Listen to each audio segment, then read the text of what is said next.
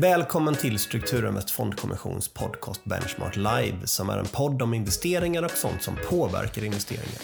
Jag heter Peter Jönsson och jobbar som sales på Strukturinvest.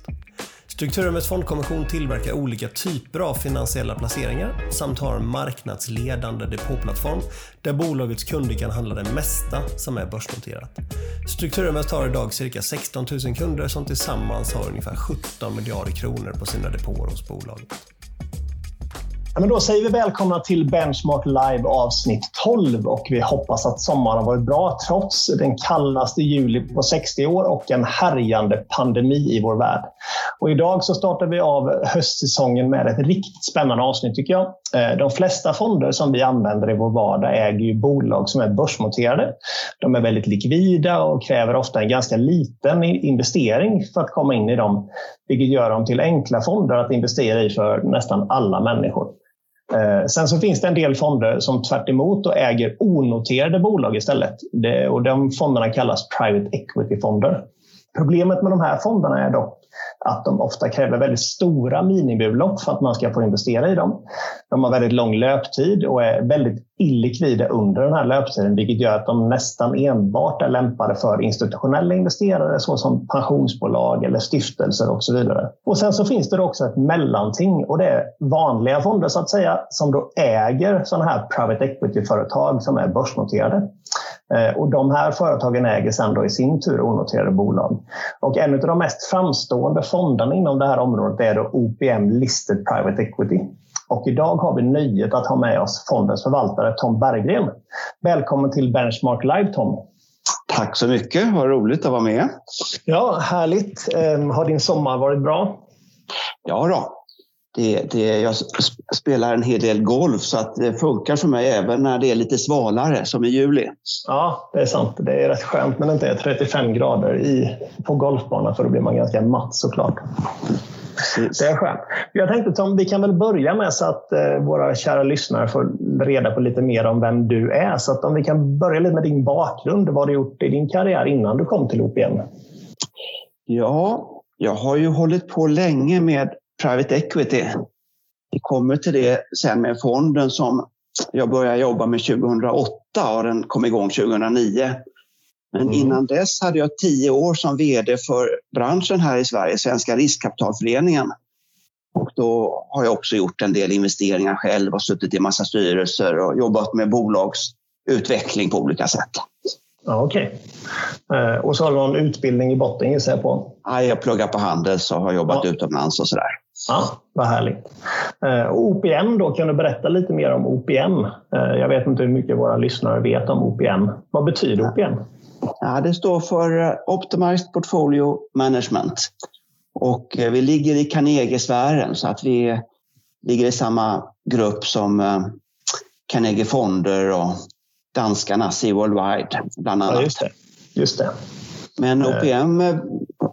började som ett helt oberoende bolag 2003 och det var Simon Reinius som startade hela som har arbetat med analys och aktier hela livet. Han hade bland annat hand om, eh, om aktieinvesteringarna på Investor under många år. Och ännu längre tillbaka så startade han den första miljöfonden i, eh, ja, jag tror nästan i, i världen. Det var runt 1990 tror jag. Så att, eh, ja, det finns mycket erfarenhet där bakom. Det har hänt en del inom just det området de sista fem åren framförallt kanske? Ja, precis. Vi screenar alla våra bolag och jobb, jobbar med PRI och alltihop förstås. Det tycker vi är viktigt. Ja, vi, vi, vi, tror att vi får högre avkastning på det viset. Ja, det, det, tror jag med. Och ju mer som tror det, desto mer avkastning kommer. Alltså ju mer kommer ju de här ESG-bolagen att performa känns det som. När fler och fler pengar söker sig dit. Och sen går vi lite längre också än vad som står i fondbestämmelser och försöker undvika en del branscher som vi inte riktigt tror på framåt. Men som inte är helt förbjudna. Jag försökte med inledningen lite på ett amatörsvar på min kommande fråga, men du som då är expert, vad innebär egentligen det här tillgångslaget private equity? Ja, det är ju ett gäng som då har som enda målsättning att investera i bolag och göra dem bättre. Öka eh, omsättningen så att de växer och också göra dem effektivare så att de tjänar mer pengar. Och I regel så, så, så, så, äger man ett bolag kanske fem sex år. Så att det, är, det är ju eh, relativt eh, långa mm. eh, projekt man håller, håller på med. Ibland kan det gå fortare, ibland, ibland tar det längre tid också. Och de äger framförallt bolag utanför börsen eller till och med köper ja, bolag på börsen och tar dem av börsen. Det är onoterade företag man, man jobbar med. Så man lever inte under den här kvartalshysterin där man ägnar allt för mycket tid åt, att, eh, åt formuleringarna i kvartalsrapporterna. Det är bolag utanför börsen som man, man jobbar aktivt med. Är det det som är den stora fördelen, eh, anser du, när det gäller liksom private equity? Att de just kan jobba mer långsiktigt och inte tänka på vad börskursen är just nu, utan vad den ska vara till exempel. Eller värdet på bolaget ska vara om fem år istället för nästa kvartal. Det är en stor fördel. Man, några aktörer jobbar nog så även på börsen, men det är lätt att, att hamna i den fällan att man tänker för mycket på börskursen under de närmsta veckorna eller kvartalen. Eh, vad, vad, finns det mer för fördelar med att ha bolag utanför börsen? Det är, det är klart man kan lägga mer tid på själva bolaget än att, eh, att, att svara på frågor till, till, till media och till analytiker och, och så här. Ja, det, finns, det finns väl en hel del fördelar. En fördel är ju att man har levererat högre avkastning på det här viset sedan 70-talet. Ja, just det. Men det kanske vi kommer in på. Ja, men det, det kommer vi absolut göra. Det finns ju jag vet inte om det var David Swenson på Yale Endowmenten som började ta in private equity i de stora portföljerna i världen. Ehm, eh, och liksom, varför tror du att han ville ha detta och varför bör man ha även som kanske privatperson lite private equity-exponering i sin portfölj? Det blir ju ett väldigt fokus på att göra bolagen bättre. Det är enda uppgiften liksom, och då blir det också högre avkastning. Och det har, har ju eh, Yale bland annat upptäckt som ökat sin allokering till private equity eh, kontinuerligt. Nu vet jag förra året hade de en målallokering på över 30 procent. Jag tror det var 38 procent av portföljen skulle vara private equity. Vilken, vilken allokeringsdel är det som har fått gå tillbaka? Då? Är det aktier eller obligationer eller hedgefonder? Eller? Det är, det är, hedgefonder har de hyfsat mycket av faktiskt. Ja, just det. Men det, det är vanliga aktier och, och obligationer är ju inte så, så, så uppskattat om man vill ha avkastning på lite längre sikt. Nej, nej, idag, idag är ju den förväntade avkastningen minus, åtminstone om man räknar in eh, inflationen. Om vi går in lite då mer på själva fonden OPM Listed Private Equity. Vad är, vad är mandatet i fonden? Ja, vi eh, ska investera i bolag som arbetar som aktiva ägare i främst onoterade företag. Och eh, så merparten ska vara onoterade bolag man jobbar med.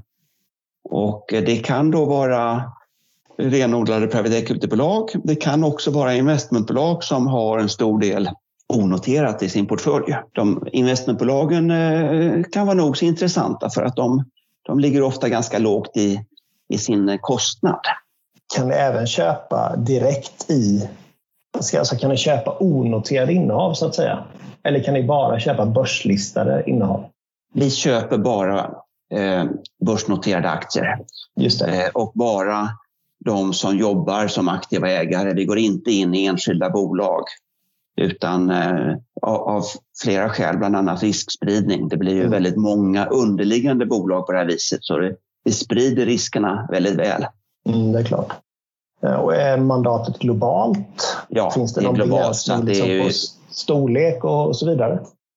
Vi har ju rätt tuffa limiter. Mina kollegor som har varit med ännu längre än mina 11 år har ju upplevt hur, hur tufft det är när det är bristande likviditet. Mm. Att vi, vi gillar likvida aktier och då blir de ofta lite större. Och det är globalt, vi har nästan ingenting i Sverige. Varför då? EQT är ju ett rätt stort, i alla fall svenska mått mätt stort private equity-bolag. Ja, EQT hade kunnat fungera. Om vi skulle förenkla så letar jag efter riktigt duktiga managers, förvaltare. Och EQT, de är duktiga. Men sen är vi också värdeinvesterare. Vi vill investera i aktier som vi kan se att, att det finns ett värde Man tittar på balansräkningar och värdering och, och så här. Va? Och där ligger ju EQT högst eh, av alla eh, börsnoterade private equity-bolag okay. med god marginal. Då, då, då, då, fungerar det inte för oss. Eh, även om de är duktiga så, så tycker vi värderingen är, har varit för hög. När de gick ut på börsen så, så, så var det väl någorlunda okej okay i höstas. Mm. Men, men sen har det ju stuckit iväg kraftigt och sen har det också kommit en rekyl här i år. Så att nej, vi, vi hittar vi tittar ju på hela universum. Det är 200-300 eh, bolag globalt och jämför dem med varandra. Och då har inte EQT eh, platsat i vår portfölj faktiskt, trots att, att de är duktiga. Det beror på värderingen. Ja, det är för dyrt helt enkelt. Varför ja. tror du att EQT är dyrast av alla bolag? Det tror jag beror på att de är lite grann en local hero. Man tycker de är jätteduktiga. Just det. det var ja, likadant med Ratos eh, för, för ett antal år sedan. De var ja, lite okay. grann en local hero. De sen tyvärr tappade rejält i, i, i värdering lite längre, lite senare. Så det är framförallt svenskar som driver upp eh, priset på EQTs aktie och inte globala aktörer? Det är min gissning. Ja, ja vi lämnar EQT. Eh, du sa att finns det så många som 200-300 listade private equity-bolag? Det trodde jag inte. Jo, det finns en hel del faktiskt. Eh, det, det är runt 300 Sen är några av dem då lite för små för att vi ska funka med våra tuffa limiter vad gäller likviditet på aktiehandeln och så. Eh, precis, och det är egentligen bara då ni sorterar bort så att säga eh, som de är inte investeringsbara på grund av att de är för små och låg likviditet. Eller finns det andra? Finns det liksom kan. branscher inom private equity som, som till exempel, om man har en ESG-fond så tänker jag mig att man kanske inte vill investera i private equity-företag som bara äger oljebolag. Exakt. Det finns ett bolag som har gått ganska bra som är inne inom, inom olja som vi har undvikit. Ja, men precis. Så ni har de typerna också? De gick bra tidigare, de har inte gått så bra i år. Nej, det kan jag tänka mig. Olja på minus är inte så kul om man äger oljebolag. Så ni, är ett värde, ni letar efter värden. Jobbar ni någonting med trend eller någonting sånt också? Eller är det, är det framförallt värde som ni letar efter? Ja, det är en intressant frågeställning. Eh, traditionellt så har det varit ganska tråkiga bolag som private equity-aktörerna har investerat i, där man har då kunnat visa på fina stabila kassaflöden och då kunnat få med bankerna eller andra finansieringsmöjligheter för att mm. få, få lite hävstång på det hela om det är säkra kassaflöden. Någorlunda säkra åtminstone. Ja, eh, men eh, fler och fler har ju eh, börjat titta efter de stora trenderna med digitalisering och att befolkningen blir äldre och så. Så att vi har faktiskt en hel del som är rätt specialiserade inom IT och digitala eh, affärsmodeller och inte minst eh, medicinområdet. Det, och då innebär det att de här bolagen kanske inte är lönsamma redan idag, eller? Då kan de underliggande bolagen ibland inte vara lönsamma på samma sätt. Just det. Eh, och då jobbar de då inte med belåning om det är den typen av investering än bioteknikbolag som är för kommersialisering. Så då blir det en liten annan affärsmodell. Men vi har ju sett att, att teknikbolagen kan vara, kan vara rätt intressanta. Eh, så att eh, det är klart att även våra förvaltare tittar lite grann på, på sådant. Så bara så att jag förstår det här universet rätt. Det finns då 200-300 bolag varav en del är för små. Och sen så finns det i, den, i de här bolagen så finns det olika branscher. Det vill säga vissa PE-bolag köper kanske framförallt teknikbolag och vissa PE-bolag köper kanske framförallt då cykliska bolag med lite högre, eller icke-cykliska bolag med lite högre belåningsgrad kanske. Ja. Så det är, liksom, det är ett helt, det här är ny, ny materia för mig så jag bara frågar så att jag förstår. Det finns verkligen ja. många olika typer av frukter i denna korg om jag uttrycker mig så. Så är det. Och vi har eh, mellan 35 och 40 innehav och då har, har de eh, lite olika inriktningar. Och sen har de ju väldigt många underliggande bolag. Och vi försöker då diversifiera så att vi eh, är på olika geografier och eh, olika typer av private equity-bolag, olika branscher, men också är de organiserade på lite olika sätt. Det kan vara ett eh, fondbolag som EQT som då i princip bara har privata fonder och sen är man delägare i själva managementbolaget. Just det. det. Det är rätt stort i USA där vi har de här fantastiska stora bolagen eh, som är välkända som KKR och Blackstone och Carlyle och Apollo, Brookfield. Eh, så det är en grupp. Och sen har vi en annan grupp som är, är direktinvesterare. skulle man kunna jämföra med Ratos som vi inte heller äger. Men då, då, då har de en säck med pengar och de, de äger ett antal bolag som de jobbar med. Det kallar vi för direktinvesterare. Och sen finns en tredje grupp som är, är, är fond i fond. Då, då är det någon aktör som köper in eh, fondandelar. Ja, just det. Externa fondandelar kan man säga. Ja, precis. De här privata ja, equity-fonderna. Det har vi ja, ganska lite av för det blir liksom eh, en liten, eh, ett, ett, ett led emellan. Men när de är intressant värderade så, så har vi lite mer av dem. Du nämnde geografi David. Jag gissar på att det är framförallt USA och Europa, men har ni även någonting utanför USA och Europa? Ja, vi har lite i Asien också. Några fler geografier finns knappt. Mm. Det finns ett stort bolag i, i, eh, i Brasilien som, som eh, jag ska se till att besöka vid tillfälle, men där har vi inte investerat. Gör ni mycket företagsbesök? Alltså, träffar ni mycket av de här bolagen innan ni investerar i dem eller är det mest så att säga, pappersarbete? Vi har ju träffat i nästintill alla bolag eh, och eh, träffar dem kontinuerligt. Nu eh, är det inte alltid så, så, så, så värdefullt att, att besöka ett bolag. Det beror på vilka man får träffa. Mm. En informationsavdelning eller en informationschef kanske inte är så, så givande. Så jag brukar mest passa på när de har eh, stora investerardagar. Då hela management är på plats och berättar hur de jobbar och man kan prata med dem mellan eh, föredragarna. Eh, hur mycket pengar har ni i fonden? 3 miljarder ungefär. Vi har ju tappat lite i år. Eh, inte i, i flöde egentligen utan att, att vi är ner 8 procent tror jag i år efter, ah, okay. efter att eh, våra bolag har skrivit ner innehavens värde eh, en del.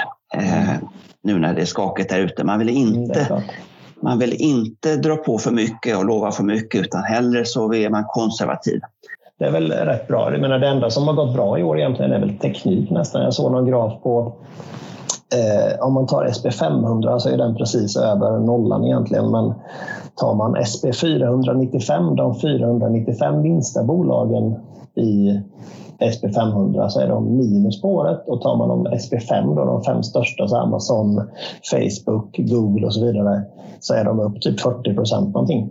Så ja. det är en ganska tung uppgång får man väl säga. Precis, och när man tittar på index så är ju de stora med i regel. Och då blir det lite knepigt när man jämför rakt av. Så det är helt, ja, helt korrekt att titta lite djupare på det. Ja, det känns sen, så har vi ju, eh, sen så har vi ju en del börser som, som inte har gått så bra som i USA. Eh, vi har ju London till exempel. Senast jag tittade igår var de ner 21 procent i lokal valuta sen har väl pundet tappat 7 så att 28 procent ner sedan årsskiftet i, i, i SEK. Man räknar om till svenska kronor. Ja, precis. Och det är vår näst största marknad eh, vad gäller våra, vad våra innehav är noterade. Så att våra 8, knappt 8 procent nedgång är, är rätt okej okay, trots allt. Särskilt med tanke på att vi var upp 49 procent förra året.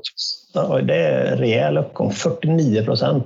Men fonden har gått väldigt bra sedan start. Var den tio år gammal och man har varit tredubblat pengarna och lite väl det kanske? Ja, det är snudd på fyrdubbling. Fyrdubbling till och med, ja, det är extremt bra. Vad blir det för snittavkastning du som har gått på Handels? Ja, nu, nu efter den här nedgången så ligger vi på 13 procent.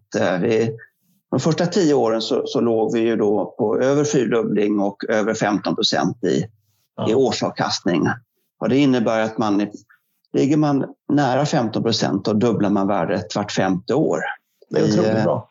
Vi låg då efter tio år på fyrdubbling och skulle man fortsätta fem år till då skulle det innebära en åttadubbling och, och sen fortsätter det, 16-dubbling efter 20 år. Så det här med ränta på ränta, det, det, det är ett rätt bra koncept. Mm, det är fantastiskt. Det är, det är därför man borde vara långsiktig investerare och inte gå ur så fort börsen skakar till lite. Exakt, och inte ha pengarna på banken eller i obligationer. Nej, precis. I och så har väl långa statsobligationer gått väldigt bra i år också, tänker jag mig.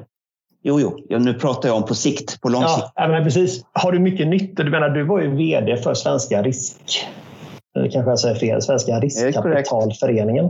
Eh, har du mycket nytta av de kontakterna idag i ditt förvaltarjobb? Jag har ju eh, lätt att, att eh, få möten och, och känner många sedan tidigare som, som jobbar med det här. Så det, det är nog en fördel. Men framför allt så försöker jag ju vara en, en, en, en branschexpert som har en eh, känsla för vilka team som, som kan leverera och vad det är som fungerar. Och det har ju hittills i alla fall eh, i år och på sen start gjort att vi faktiskt gått lite bättre än, än liknande fonder, än, än våra peers och, och våra jämförelseindex. Coronapandemin slog ju ner som en bomb här i tidig vår. Eh, har, har det här förändrat er syn på vilka bolag ni vill äga? Eh, har ni liksom till exempel, och med tanke på att teknik gått så bra så kan man tänka sig att ni har kanske allokerat dem till mer private equity teknikfonder. Förstår du hur ja, jag tänker? Ja, det, det är ju... Eh, alltså har man gjort några förändringar? Det ska, man, det ska man ha gjort innan något sånt här händer sen. Ja. Sen, sen är det väl snarare våra, våra bolag där ute, de vill ju gärna nu investera i branscher som har, som har gått ner, som har fått för mycket stryk av, av corona-oron. Eh, till exempel inom eh, husvagnsparker med, med lite små villor och sånt där. Just det finns en del eh, investerade KKR i stort till exempel. Men, men tillbaka till frågan.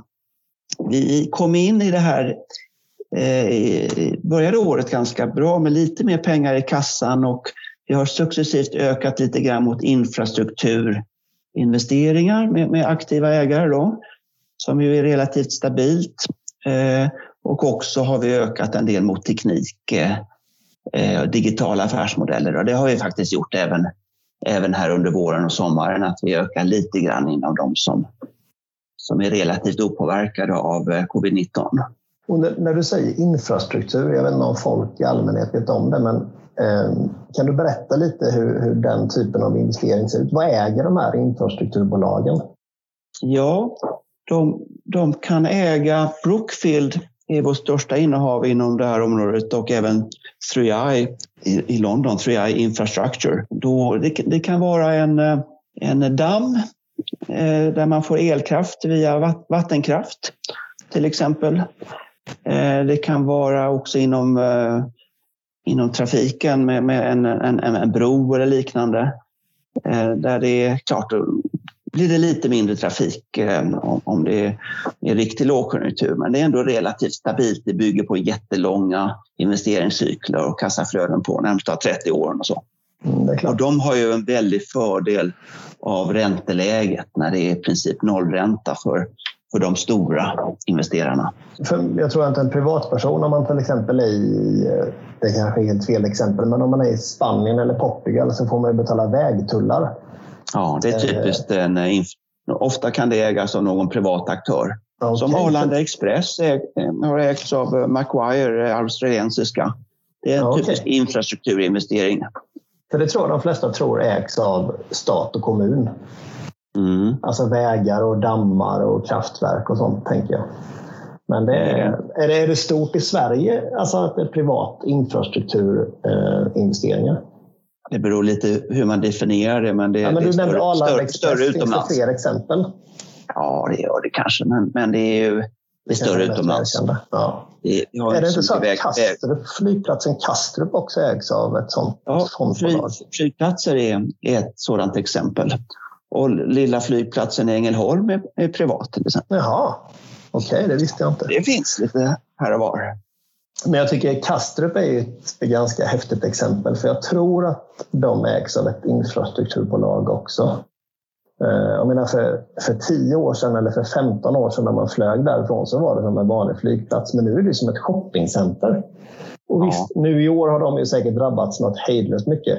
Men när det kommer in en privat aktör och ser det lite mer som möjligt att tjäna pengar på kringtjänsterna istället för bara skeppa passagerare till olika delar av världen. För menar, folk spenderar kanske en timme, en och en halv på flygplatsen innan man åker. Så kanske man köper någon jacka, man äter en bit mat och så vidare. Så, kan man, så blir det som ett shoppingcenter som har extremt många besökare varje år. Exakt. Det är rätt häftigt hur duktiga de är på att öka intäkterna i ett bolag, precis som du började med att berätta när du berättade om själva PE-branschen överlag. Så. Då, då, då kan det eh, hända grejer om det är ett duktigt team som, som jobbar och som har erfarenhet och, och ambition. Vilket kanske då en kommun som äger en, en, eller staten som äger en flygplats normalt inte har samma ambition. Ett annat, ett annat exempel är flyg, eh, eh skidbackar.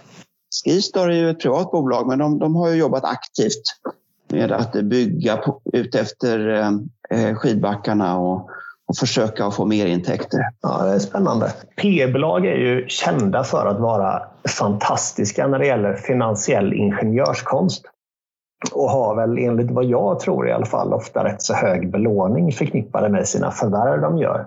Eh, innebär den här belåningen att bolagen då oftast får kanske högre volatilitet? Eller är det liksom en, en, eh, är det en, en uppfattning jag har som baserar sig på 80-talsfilmer höll jag på att säga. ja. Rent teoretiskt så skulle det kunna vara så, men då skulle det innebära att man släpper bolaget om det inte funkar. Och i regel så har de så mycket fina utvecklingsplaner och, och tror att, att det är bättre att eh, lägga in lite mer pengar och, eh, och då eh, invänta att konjunkturen kommer tillbaka. Eh, så att eh, faktum är att under den stora finanskrisen så var det färre riskkapitalfinansierade bolag i eh, USA som gick i konkurs än vanliga bolag. Eh, för de har då ägare, private equity, ägare med finansiella muskler och som har utvecklingsplaner som de vill som de tror på. Som, som, de, de, I regel så vill de inte släppa bolagen. Eh, det förstår jag. Eh, och sen har de väl också externa investerare som kan tänka sig att om det är ett bolag som är, liksom ändå har en, en, eh, vad man säga, en bra affärsmodell, att man kan stoppa in lite mer pengar. Exakt, även finansiärerna, bankerna eh, vill ju gärna eh, se till att bolaget eh, fort, fortsätter att, att, att, att överleva. Och, och, och, från början så har ju inte bankerna velat finansiera någonting som varit instabilt. Utan Nej. det är ju i regel rätt stabila kassaflöden de här bolagen har som får finansiering med, med, med över 50 procent ibland. Mm. Ja, det är inte högre än då, det är någonstans... Eh, Snittet är där runt 50 procent. Ja, okay. låg, låg högre innan eh, runt 2007, 2008 men, men sen, eh, sen dess har man varit mer försiktig.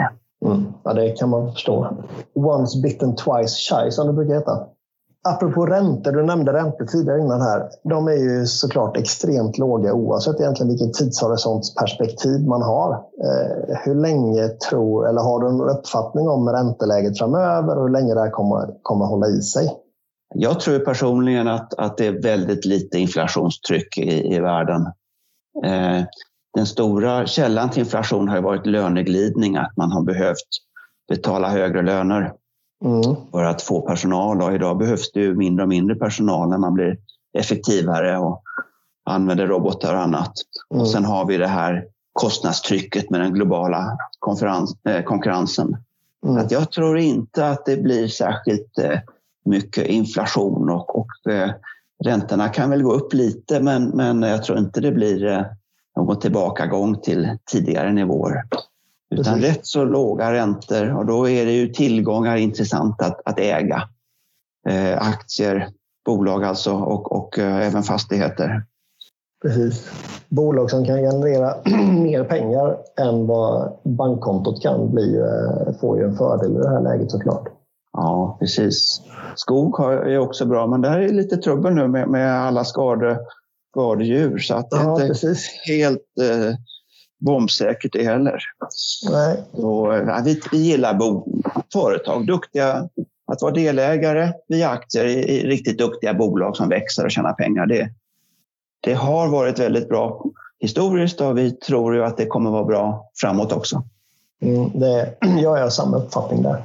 Um, USA-valet uh, kommer ju här nu under hösten. Är det någonting som kommer påverka private equity-branschen globalt eller kanske framförallt i USA? Uh, och vilken president tror du börsen kommer gilla bäst?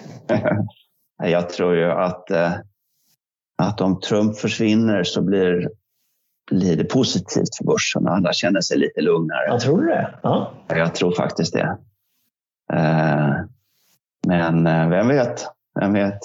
Ja, det, det är svårt att veta. Det känns ju som att Trump är mycket för att sänka skatter och öka budgetunderskottet. Vilket man kanske gillar på kort sikt, men det är dåligt för ett land på lång sikt. Ja. Medan Biden kanske är lite mer låt oss höja skatterna eh, för att eh, ta tillvara på vårt land på lång sikt medan det kanske är lite sämre just nu. Eh, en del andra jag pratar med typ, tror jag att Biden kommer vara lite sämre för börsen. Men du är av annan uppfattning. Det ja, jag, jag är inte lika övertygad. Det är nog den vanligaste uppfattningen men jag tror att det kan bli ett, ett lugn över eh, USA som gör att man kan jobba på i god anda och att det blir bra för börsen även med Biden. Mm. Börsutvecklingen då? Vi var lite inne på det att det har varit en ganska tunn uppgång eh, och det beror mycket kanske på att det har tryckts en del pengar som kommit ut vilket har drivit upp kurserna men framförallt har de här pengarna gått till teknikbolag då, som vi nämnde tidigare. Men ja. är, det, är det rimligt att indexnivån är på all time high när vi trots allt är i en lågkonjunktur? För historiskt och när jag gick som gick på skola så fick jag lära mig att när det är lågkonjunktur så borde börserna vara lägre. Eh, men så har det inte varit nu. Nej. Eh, det finns något som kallas för Fed-modellen där man tittar på vad obligationer ger avkastning och vad aktier ger. Och eh, väljer man det angreppssättet då har aktier aldrig varit billigare än idag vad gäller värdering. Sen får man väl säga att indexen har inte gått riktigt lika bra som det ser ut som du var inne på. Nej, precis. Att det är några duktiga teknikbolag som har gått fantastiskt bra, som har en stor viktig index. Eh, men eh, ja, hade inte corona kommit så hade nog börsen varit upp 30 procent eh, även i Sverige. Så att det, det, det är inte lätt det där. Vi, vi, Nej, precis. vi har ingen ambition att kunna vara traders utan vi menar att på, på lång sikt så, så blir det bra och forskningen visar väl eh, rätt tydligt att den som försöker att tajma marknaden misslyckas i regel. Jag tror man brukar komma fram till att 1-2 procent förlorad avkastning eh, blir det om man försöker tajma, tajma marknaden, tajma börsen. I snitt. Mm. Några lyckas, några lyckas. Precis, och det är de man har talat om, vilket alla andra försöker härma. sen, och sen är det ju också det här att, att man kan inte tro att marknaden är logisk. Liksom. Det, det, det, och att själv kunna resonera sig fram till, till, till alltihop. Utan det är ju en oerhörd mängd av faktorer som spelar in och förhoppningsvis så, så är det mesta reflekterat i dagens börskurser och Kommer det goda nyheter så går börsen upp och kommer det sämre nyheter så går den ner. Verkligen. Och sen finns det ju en del såklart konstiga saker som händer också med Tesla till exempel. Eh, om vi ska prata om något enskilt bolag. Så att när de säger att de ska splitta aktien i fem så går aktien upp med, 20 procent den dagen vilket gör att bolaget blir 20 procent mer värt. Ja. Ehm, det, är ju, det är saker som händer just nu som jag tycker är lite märkliga trots allt. Ja, Absolut, och eh, det är väl eh, ett bevis på att man bör ha en, en eh, rätt många innehav för att eh, ibland kan det bli lite tokigt. Precis. Men låt säga att man är extremt förmögen, vilket man måste vara för att köpa en, en PE-fond direkt. Säg att man då inte vill gå till din fond. Man kanske har en del i din fond men även vill köpa en del i en, säg en EQT-fond eller vad det nu kan vara. Vem är vem är bäst i världen? Vem har haft högst snittavkastning sedan bolaget startades? Har du koll på det? Är det KKR eller är det vilket, liksom, vem är bäst? Nej, det är nog inte KKR. KKR och Blackstone eh, har legat på ungefär 19 procent i årsavkastning i, i eh, KKR är väl sedan 1990 tror jag. Så mm. det är fantastiskt och det blir ju enorm multipeleffekt på det där. Ja, otroligt. Men sen, Sen finns det några mindre aktörer som har legat ännu högre. Jag har inte riktigt uppdaterade siffror på det. Men det är i alla fall väldigt svårt att komma in i de här fonderna. Du som har kommit ja, på de där andra... minsta ticket size? KKR kanske du kan komma in om du lägger in 50 eh, miljoner US dollar. Alltså en halv, en halv miljard måste du ha. Miljard. Sen finns det ju mindre aktörer också. Det kanske går att komma in i en fond i Sverige med 50 miljoner, mm. kanske. Eh, någon mindre fond då. Men det är fortfarande gjort för extremt få privatpersoner. Det är institutionella pengar som vi pratar om. Då är din fond ett väldigt, väldigt bra alternativ tycker jag. Ja, en, en skillnad är också att det fungerar så i de privata fonderna att då ska du committa, då ska du lova att när de gör en investering ska du skicka in pengar. Du eh, committar ja, kanske okay. då, säg 100 miljoner. Mm. Eh, och, och sen går det ett år och, så gör de sin första investering och då, då får du skicka in eh, 15 miljoner. Mm. Det, det, är en J-kurva som det kallas. Det, det, det är en lång startsträcka eh, tills man är fullinvesterad. Medan i min fond så är vi inne i bolag som är, är igång och då, mm. då har de ett antal innehav som de jobbar med så att det, man behöver liksom inte ligga och vänta. Pengarna jobbar. Mm, det är en väldig fördel. Men framförallt, det är jättebra såklart, men framförallt att, att slippa stoppa in 100 miljoner kronor för att köpa en fond och då till lägre riskspridning än vad man får i din fond. är klart. För men hos dig får man någon 30-40 bolag, tror du nämnde va? Ja, just det. Som i sin tur äger, inte vet jag, men det kan vara tusentals bolag. Liksom. Ja, så att, man får ju det är ju rätt stor förvaltarrisk om du går in i en enda aktör. Ja, men precis. Det är nästan som man får ett specialiserat index med bara de bolagen som växer lite bättre rent värdemässigt. Är det ja, en bra beskrivning? Ja, så är det ju. Private equity har, de flesta forskningsstudier hamnar på att det har gått 4-5 procent eller så bättre än, bättre än vanliga börsen. Mm. Och om vi tittar på vår, våra första eh, tio år så, så låg vi då strax över 15 procent i, i årsavkastning. Och eh, det var då drygt 5 procent bättre än eh, snittet för globalfonder i Morningstar Mix bolag där det är 240 tror jag, globala fonder. Mm. Så att eh, drygt 5 procent bättre gick vi än snittet. Och jag tror vi var 2,7 procent bättre i årsavkastning än den bästa globalfonden i det här stora Morningstar-kategorin mm, på, på tio år. Och ni är så equity är inte så dumt. Nej, Sen har vi kanske gjort, gjort, gjort, lite nytta också med vår, vår eh, förvaltning, men private equity är en, en stabil eh, tillgångsklass. Jag känner att jag har fått en ganska bra uppfattning om vad er fond gör och vem du är. Jag tycker det är en jätteintressant fond. Jag har själv faktiskt ägt fonden sedan 2000, vad kan det bli, 2010 kanske, 2011 någonstans. Ja. Så när den var precis nystartad. Tacka för förtroendet. Ja, det är jag som ska tacka för avkastningen. Ja, jätte, ja. jättebra. Toppen. Eh, och så tycker jag det är spännande just för att det är inte, inte det gamla vanliga om uttrycker mig så, utan det är, det är en speciell bransch som historiskt i alla fall har varit extremt duktig på att tjäna pengar åt sina ägare. Så är det faktiskt och det ser man ju också i lite tidningsrubriker i det ibland att riskkapitalisterna de har har varit och är rätt duktiga på att tjäna pengar. Precis. Vad Tycker du att det känns som att det är någonting vi har glömt att beröra? Eller har du fått fram vad du vill?